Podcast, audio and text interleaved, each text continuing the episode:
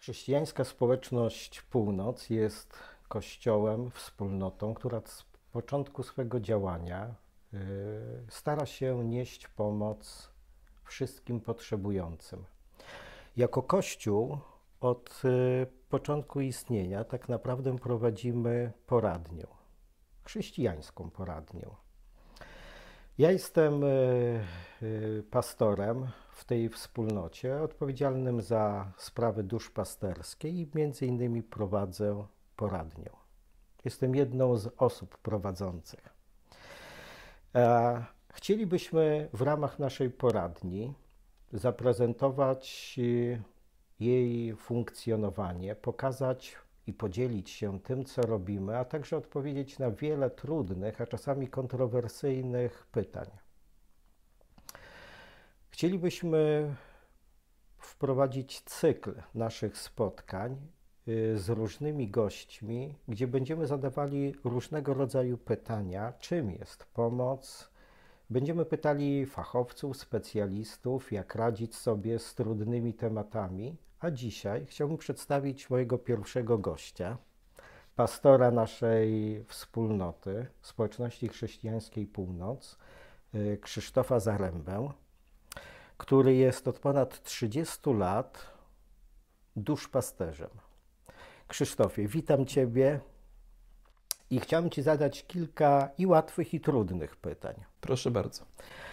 Jesteś e, duszpasterzem i pastorem od ponad 30 lat. Zetknąłeś się z całą gamą różnego rodzaju problemów, a wiemy osobiście, że masz serce do niesienia pomocy. Czasami musiałem Ciebie hamować, ale za duże to było serce. I chciałbym zadać Tobie kilka pytań dotyczących niesienia pomocy. Czym według Ciebie jako pastora jest y, pomaganie w kościele? Chrystus jest y, nazwany cudownym doradcą. Izajasz o nim w ten sposób mówi. Nazwą go cudowny doradca. W takim razie, jak to doradztwo, pomaganie, troska o inną osobę powinna wyglądać w Kościele według Ciebie? Wizją naszego Kościoła Społeczności Chrześcijańskiej Północ jest y, rozszerzanie Królestwa Bożego. I dla nas poradnictwo duszpasterstwo jest takim Bożym narzędziem do realizacji właśnie tej wizji, ponieważ duszpasterstwo i poradnictwo rozszerzają Boże Królestwo w człowieku indywidualnie, a gdy to y, rozszerzenie królestwa następuje w człowieku indywidualnie, to oczywiście automatycznie y, przekłada się także na jego życie rodzinne, na jego życie społeczne. Stąd też od samego początku zarówno duszpasterstwo, jak i poradnictwo zajmowało w życiu naszej wspólnoty ogromne, bardzo duże miejsce. Jak powiedziałem, jest to związane z naszą wizją, Y, rozszerzenia Bożego Królestwa, a właśnie duszpasterstwo i poradnictwo są niezwykłym narzędziem Bożym do tego, żeby to królestwo, czyli Boże panowanie, rozszerzało się nad każdą sferą życia ludzkiego. Stąd jest niezwykle potrzebne w Kościele. Y, oczywiście Pan Jezus jest nazwany cudownym doradcą, y, ale to znaczy też to, że tak jak jest napisane w liście do Efezjan, że On, ten, który jest cudownym doradcą w Kościele, ustanowił jednych nauczycielami, jednych prorokami, a innych Y, duszpasterzami. A wszystko to po to, żeby przygotować właśnie świętych do tego, żeby mogli funkcjonować we właściwy sposób, zarówno w kościele, jak i w swoim codziennym życiu rodzinnym, społecznym itd. Tak itd. Tak Stąd y, duszpasterstwo i poradnictwo jest kontynuacją dzieła Pana Jezusa Chrystusa w życiu ludzkim. Okej, okay, to tak pięknie brzmi. Ale powiedz, jak ty to w praktyce widzisz? Co to w praktyczny sposób znaczy niesienie pomocy dla ciebie? Jest wiele aspektów. Głównie ja myślę tak, że w, w moich większości moich doświadczeń y, sprowadzało się do tego, by towarzyszyć człowiekowi y, w takim momencie jego życia, w którym to towarzyszenie było dla niego szczególnie ważne, ponieważ wspierało go w rozwiązywaniu jego własnych problemów, z którymi człowiek się y, mierzył. I ja tak rozumiem duszpasterstwo. Ja, ja rozumiem duszpasterstwo jako towarzyszenie człowiekowi w tych szczególnych chwilach jego życia, w których y, nie jest w stanie y, sobie sam pomóc, potrzebuje wsparcia do tego, by mógł rozprawić się z problemami swojego życia. A jakbym zadał Tobie pytanie, jakbyś miał dokończyć zdanie, pomagam wtedy, gdy. Pomagam wtedy, gdy ktoś chce, żeby mu pomóc. I pomagam wtedy, gdy zdaję sobie sprawę, że jestem w stanie to uczynić. Ponieważ są sytuacje, w których ja też zdaję sobie sprawę z tego, że nie jestem w stanie temu człowiekowi pomóc, więc cudzysłowie rzecz biorąc, odsyłam go do kogoś, kto w tej dziedzinie jest mądrzejszy, czy bardziej obdarowany przez Pana Boga, kto może poprowadzić tego człowieka dalej w rozwiązywaniu jego problemów. Czyli tutaj dotykamy y, tematu pomocy bardziej wyspecjalizowanej. Jak to widzisz w kontekście Kościoła? Bo często mówi się, że Pan Jezus wystarczy do wszystkiego, że wystarczy zaufać Panu Jezusowi.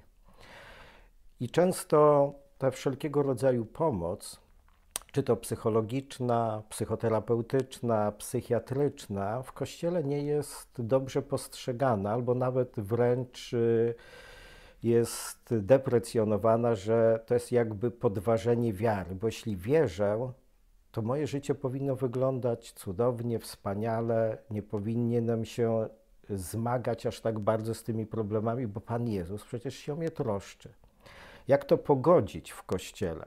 Czy spotykasz się z takimi zarzutami, że yy, po co wam poradnia, po co psychoterapeuci, po co odsyłać do psychiatrów, a nie daj Boże brać leki?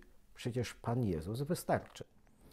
Więc ten wystarczający Pan Jezus w kościele od samego początku posługiwał się ludźmi, którzy y, kontynuowali jego pracę. I to widać wyraźnie w, w Piśmie Świętym, to widać wyraźnie w Nowym Testamencie.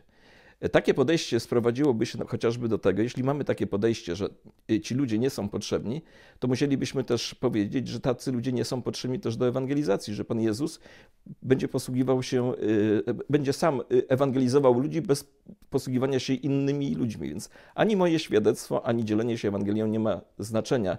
I ja to także przekładam na, na te rzeczy dotyczące poradnictwa. Y, czy duszpasterstwa. Y, ja myślę, y, że to trochę jest tak, dotyczy to trochę terminologii. Bo jeśli człowiek jest, kocha Pana Jezusa Chrystusa, jest na przykład wierzącym psychiatrą, rozumie, rozumie Boże Słowo, rozumie Boże zasady, a Bóg też poprowadził go taką drogą, że dał mu jeszcze narzędzia w postaci działań psychiatrycznych, to ten człowiek będzie do, dobrze służył. To samo dotyczy yy, psychologii, tak samo to, to dotyczy i bycia nauczycielem i wielu różnych aspektów życia. Także nie, de, nie demonizowałbym yy, psychiatrii chrześcijańskiej czy poradnictwa chrześcijańskiego. Specjalnie mówię, używam słowa chrześcijańskiego, bo dla mnie to są ludzie, którzy też rozumieją ten duchowy aspekt który jest niezwykle ważny. Ja wierzę w to, że człowiek jest duszą, która ma ciało do kontaktu ze światem fizycznym i ducha do kontaktu ze światem duchowym. Stąd ludzie, którzy są ludźmi wierzącymi, rozumiejąc e, właśnie tę naturę ludzką, potrafią pomóc i wierzą też, że Pan Jezus jest wsparciem w tym procesie. Poruszyłeś e, dosyć istotny temat e, też z punktu widzenia teologicznego człowiek jako istota złożona, duch, dusza i ciało. Apostoł Paweł w swoim liście mówi, aby Twój duch, dusza i ciało dobrze się miały. Były beznagane. Były beznagane. Jak y, to ma się do tego poradnictwa wyspecjalizowanego? Czy doradca, terapeuta, psycholog bardziej ma się skupiać na sferze ducha, czy na sferze duszy, czyli psychę?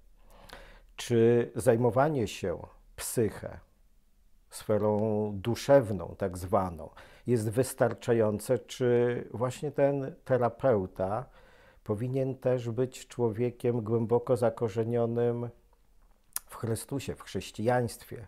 Powinien właśnie co robić? Jak pomagać? Tak, dla, dla mnie odpowiedź jest oczywista. Zachęcamy do tego, żeby y, na, osoby wierzące korzystały y, ze wsparcia osób wierzących, które, które ja nie neguję też oczywiście niewierzących w Chrystusa psychologów czy psychiatrów, natomiast dla, dlatego zachęcamy do korzystania z, z pomocy wierzących ludzi, ponieważ oni rozumieją ten aspekt duchowy. Ponieważ za, za wieloma tymi kwestiami także kryją się kwestie duchowe, kwestie związane z relacją z Panem Bogiem, czy z różnymi kwestiami dotyczącymi e, świata duchowego. Tak jak powiedziałem, człowiek jest e, osobą, jest duszą żyjącą, która ma ducha, tak to jest bardzo uproszczony schemat, ja zdaję sobie sprawę, ma ducha do kontaktu ze światem duchowym i, i e, ciało do, do kontaktu z, ze światem fizycznym. I te dwa źródła, zarówno duch, jak i, jak i ciało, wpływają na naszą psychę. Stąd też człowiek, który jest poradnikiem chrześcijańskim, musi być głęboko osadzonym w Bożym Słowie, musi być kierowany przez Ducha Świętego, musi manifestować dary Ducha Świętego, bo sam wiesz ze swojego własnego doświadczenia, ja też wiem ze swojego doświadczenia, że często Boża inspiracja z wysokości sprawiła, że przyszła pomoc przez Twoją posługę czy moją posługę, tylko dlatego, że żyjemy w łączności z Panem Bogiem i On nam podpowiedział jakieś zadziałanie w przypadku konkretnej osoby. Ale tutaj jest taka pokusa. W takim razie, jeśli Pan Bóg jest tym, który objawia różne rzeczy, daje mądrość, daje jakieś głębsze duchowe wejrzenie, no bo mówisz, że istotą jest właśnie ta kwestia duchowości. W takim razie, czy rozwiązaniem problemów człowieka jest koncentracja na duchowości i na Chrystusie, y, czy pomoc w sferze psyche. Jak to się ma właśnie, bo często ja osobiście spotykam się y, z takim uproszczeniem, że jeśli w sferach duchowych wszystko się układa, czyli człowiek ma uregulowaną relację z Bogiem, to te sfery psychiczne, duszewne nie powinny być jakimś problemem, wyzwaniem dla człowieka? Odpowiem za pomocą ilustracji. W związku z tym, że interesuje mnie historia, pamiętasz, e, za naszych e, lat e, młodszych mówiło się wiele, niewiele młodszych, mówiło się o tak zwanym rozbrojeniu.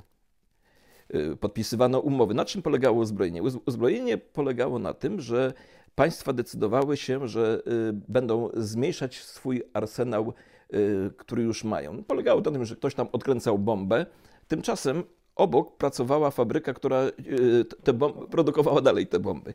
Więc dla mnie poradnictwo chrześcijańskie, y, sfera ducha polega na tym, że my odcinamy złe fabryki, które produkowały, naprodukowały w życiu człowieka te bomby, które niszczą jego życie, a później zajmujemy się duszą, czyli rozbrajamy te naprodukowane bomby, które w tym człowieku są. I ja, ja, widzę to takie powiązanie. Błędem jest y, rozbrajanie, rozbrajanie bomb y, y, tylko i wyłącznie, nie biorąc pod uwagę fabryki, która je produkuje ciągle. Więc musimy działać równolegle w taki sposób właśnie. Z jednej strony załatwić te rzeczy, które sprawiają, że te bomby są produkowane, i zajmować się też tymi już wcześniej naprodukowanymi bombami. No, z biblijnym językiem ja to nazywam procesem uświęcenia, kiedy człowiek się nawraca, odcina się od tego niewłaściwego źródła, a potem w procesie duszpasterstwa czy poradnictwa rozkręcane są te bomby, które kiedyś niszczyły jego życie. To I takie powiązanie widzę. Poruszasz istotną dosyć kwestię, używasz takiego słowa proces. Czyli to nie jest kwestia taka, że gdy człowiek y, swoje życie powierzy Panu Bogu, staje się cudowną, wspaniałą osobą, która już radzi sobie w sposób taki bardzo adekwatny do rzeczywistości, do realiów, że umie radzić sobie z problemami. Że to jest swego rodzaju proces. Jak ty w swoim takim y, wieloletnim y, duszpasterskim doświadczeniu ten proces postrzegasz? Czy on trwa? Bo wiele osób o to pyta i ile czasu to będzie trwała ta przemiana? Pół roku, rok, dwa lata? Jak długo? Dla mnie odpowiedź jest jedna, właściwa, tak mi się wydaje. Ten proces trwa całe nasze życie. Ponieważ y, y, używając bardzo biblijnego języka, to jest proces uczniostwa. proces uświęcenia, proces przemiany sposobu myślenia. No, żyjemy w tym świecie, który jest światem, który, który jest, no, yy, to, to nie jest król, nie żyjemy w Królestwie Bożym. My ciągle żyjemy, nie żyjemy na terenie Królestwa Bożego, my żyjemy w świecie, który wpływa na nas. Podlegamy różnego rodzaju procesom, stąd też proces uczniostwa, przemiany. To jest proces całego naszego życia. I bądźmy dla siebie cierpliwi też w, w czasie tego procesu i wyrozumiali. Czyli o sobie mógłbyś powiedzieć, że jesteś człowiekiem w procesie. Jestem zdecydowanie człowiekiem w procesie. Nie jesteś doskonały. Oj nie. Chciałbym być, ale. Ja myślę, że to dla wielu jest duża ulga, jak tak postrzegamy drugą osobę, o której często myślimy, że już jest y, nie wiadomo jak daleko, że jest doskonała, uświęcona. Wspaniale mówi kazania, że prowadzi cudowne życie. Jak to jest w takim razie u ciebie z tym procesem duszpasterskim, jakbyś określił ty? Jak daleko zaszedłeś? Odpowiem Ci taką historią, która mi się zdarzyła. Otóż yy, rozmawiam kiedyś z jedną osobą i, i yy, ona mi opowiada historię y, wybitnego, wielkiego, bardzo dynamicznego kaznodziei, który y, upadł po prostu gdzieś w grzech, zatracił się. I ta osoba mi mówi, słuchaj, niemożliwym jest, żeby jakby ten człowiek był naprawdę wierzący, naprawdę, to żeby on e, przecież mówił takie świetne nauczania i tak dalej, niemożliwym jest. Ja mówię, słuchaj, jest możliwym. Więc to osoba mi ta, a skąd wiesz? No bo jestem kaznodzieją. Wiem, ponieważ sam podlegam takim, takim historiom, yy, więc yy, ja, ja wierzę tak, że gdy nawracam się do Chrystusa, dostaję, jestem zbawiony. Inaczej mówiąc, dostaję zbawionego ducha. To taka w skrócie, ja, ja, ja, lubię takimi skrótami y, y, trochę mówić, więc nie będę tego bardzo rozwijać. Dostaję zbawionego ducha, który co robi? Zbawia moją duszę. Inaczej mówiąc, przemienia mój proces myślenia, przemienia moje, moją postawę, wpływa na mój charakter i to jest proces ca trwający całe życie. A kiedy odejdę z tego świata, dostanę nowe ciało zbawione i wtedy proces mojego y, zbawienia się zakończy. Jestem zbawiony, jestem zbawiany i będę zbawiony. I to jest po prostu proces, którym, którym, którym, w którym y, uczestniczymy, którym się poddajemy. Niektórym idzie to szybciej, niektórym idzie to, wo, to wolniej. Pan Bóg ma naprawdę wiele narzędzi, żeby nas kształtować. Krzysztof, czy można w takim razie powiedzieć, że powinniśmy patrzeć na siebie z takiej perspektywy, że jeśli dzisiaj sobie dobrze radzę, doszedłem do jakiegoś momentu w swoim rozwoju duchowym, psychicznym, to nie znaczy, że wszystko będzie dalej pomyślnie się toczyło, że mogę mieć różnego rodzaju wyzwania, zmagania, mogę mieć upadki jakieś w wymiarze i ducha, i duszy. Oczywiście, no ale to Biblia o tym mówi wyraźnie. Kto myśli, że stoi, niech baczy, żeby nie upadł. To nie jest teoria. To nie jest teoria. To no, popatrzmy na życie wielkich mężów bożych, jak apostoł Piotr, czy nawet apostoł Paweł, to byli ludzie, którzy też zmagali się ze swoimi y, charakterami. To, to jest widoczne. Y, najbardziej dla mnie na, na, czasami tak, przepraszam za, za, za takie stwierdzenie, ale bawi mnie, gdy ludzie mówią, my chcielibyśmy wrócić, żeby Kościół był taki jak w pierwszym, jak, jak, jak Kościół dziejów apostolskich. Poczytajmy, jak, jaki to był Kościół. W dziejach apostolskich, w, li, w listach, zwłaszcza apostoła Pawła do Koryntian, widać, jaki to był Kościół. My jesteśmy po prostu ciągle w procesie. I y, tragedią jest oczywiście to, że jeśli ja nie poddaję się temu procesowi, unikam tego procesu i nie doświadczam przemiany, ale jeśli poddaję się temu procesowi, to on będzie przebiegał w moim życiu. I, i e, to, to, jest, to poddanie jest też taką moją też decyzją. Ja chcę uczestniczyć w tym procesie i to jest, to jest niezwykle ważne. A z tej duszpasterskiej perspektywy, jak oceniasz, czy każdemu można pomóc? Nie można. I to znaczy, to bolesne. E, e, za, za, powiem Ci, co mam na myśli. To znaczy, może yy, odkręcę to trochę. Pan Jezus nie pomógł każdemu. Okej, okay. co masz na myśli? W Bogaty razie? młodzieniec odszedł od niego zasmucony. Ja myślę, że musi istnieć współpraca. Musi istnieć pragnienie. Ja, ja wierzę w to, że, że yy, Bóg chce pomóc każdemu człowiekowi, że Biblia o tym wyraźnie mówi. Mhm. Ale wierzę też, że Bóg nie gwałci nas. Że tu musi istnieć nasze współdziałanie w tej dziedzinie. To, to jest takie moje przekonanie. Ja widzę to i w, w postaci mojego własnego życia i moich własnych zmagań ale też widzę w, w, postaci zmagań innych ludzi. Y, nie, nie, wiem, czy masz to pytanie, ale dla mnie jednym z największych problemów w, w duszpasterstwie jest to, gdy ktoś do mnie przychodzi z problemem, mówi mi, jak ja mam go rozwiązać i jaki chcę mieć oczekiwany efekt. I często jest tak, że, że, że oczywiście y, y, w wielu przypadkach zgadzam się, że tak to powinno zostać zrobione i, ta, i ta, taki chciałbym efekt, ale bardzo często jest zupełnie coś innego. Osoba przychodzi ze swoim problemem, chce tak, żeby on był rozwiązany w, ta, w taki, a nie inny sposób i ja z góry wiem, że to nie zadziała. To jest tak, no, porównam to, y, y, jak dosta, dostajesz, y, ktoś cię prosi o modlitwę, mówi, jutro mam rozprawę sądową dotyczącą moich spraw finansowych z moją rodziną, proszę, żeby, żebym ja, pomóżcie się o to, żebym ja wygrał tę sprawę. Ja wtedy sobie myślę, no ja będę się modlił o to, żeby sprawiedliwość Boża w tym się e, objawiła i żeby ta sprawa została rozwiązana tak, jak powinna być rozwiązana. Niekoniecznie jak sobie życzy ta osoba, która, która przychodzi do mnie z tym problemem. I myślę, że to jest jedno z moich największych zmagań było to, gdy ktoś przychodził, oczekiwał, że ten proces będzie wyglądał taki i taki, on przyniesie taki i taki efekt. Potem było roz, rozczarowanie i w zasadzie potem było mówione, nie y, Kościół albo pastor mi nie pomógł. Nie pomógł, bo nie przeprowadził tego procesu yy, nie zrobił tego, co ja oczekiwałam czy oczekiwałem. A czy jako pastor masz takie doświadczenie, że to tobie bardziej zależało niż tej osobie, że ty chciałeś pomagać tej osobie na siłę niejako? Tak, mam, mam takich parę przypadków y, w swoim życiu, czy nawet więcej niż parę. Y, I y, no, jak to się kończyło? Źle to się kończyło.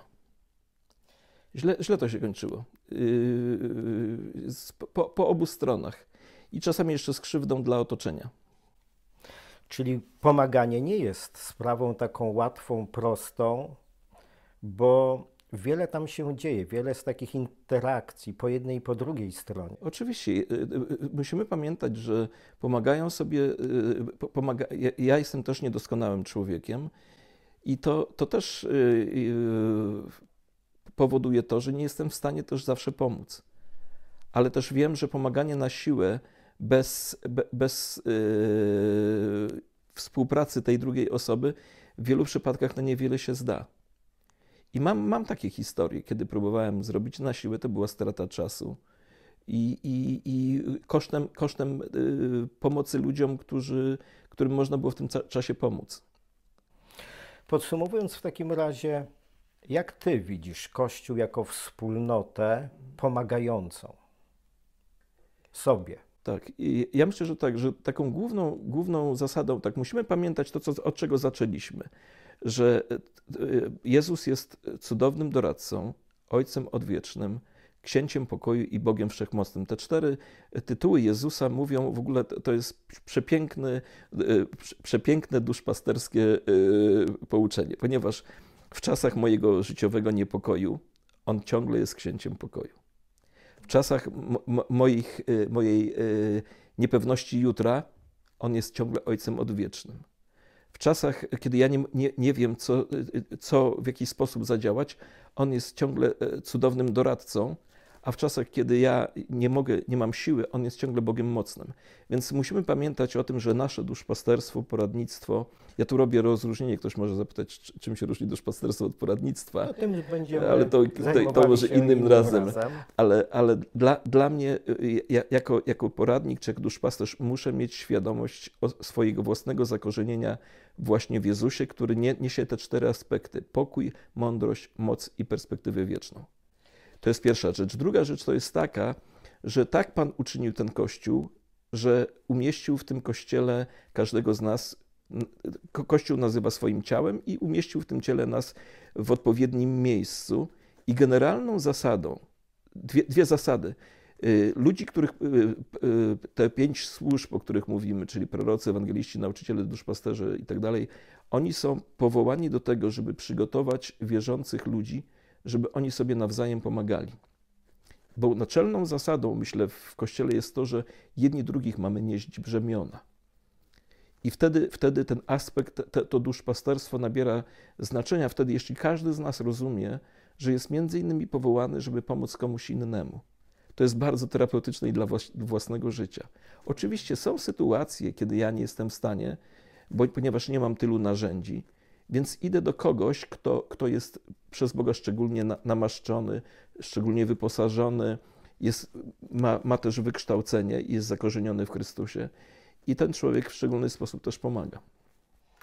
Czyli jakbyś określił, co ma być takim finałem y, skutecznego pomagania? Jak ty byś widział człowieka, który doświadcza pomocy, wychodzi z problemów, czyli co się z nim dzieje? To nie jest łatwe pytanie. Znaczy, nie, nie, nie, nie jest łatwa odpowiedź na takie pytanie. Ja, ja dla, dla, mnie yy, yy, lubię takie stwierdzenie pomoc do, do, do samopomocy. Dla mnie yy, takim efektem jest to, kiedy człowiek jest w takiej, do, do, doprowadzony do takiego miejsca, że jest w stanie pomagać sobie sam i być wsparciem dla innych.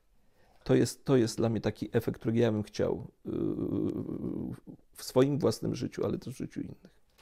Czyli można powiedzieć, że niesienie pomocy rozumiemy w ten sposób, że to jest proces prowadzący człowieka do głębszej dojrzałości, do samodzielności, by wziął odpowiedzialność za swoje życie i tak rozwiązywał problemy, by dla niego parciem był Chrystus i by postrzegał siebie jako tego, który zmaga się, ale ma cel, do którego Oczywiście. zmierza i rozwiązuje problemy w oparciu o relacje z Bogiem. Tak.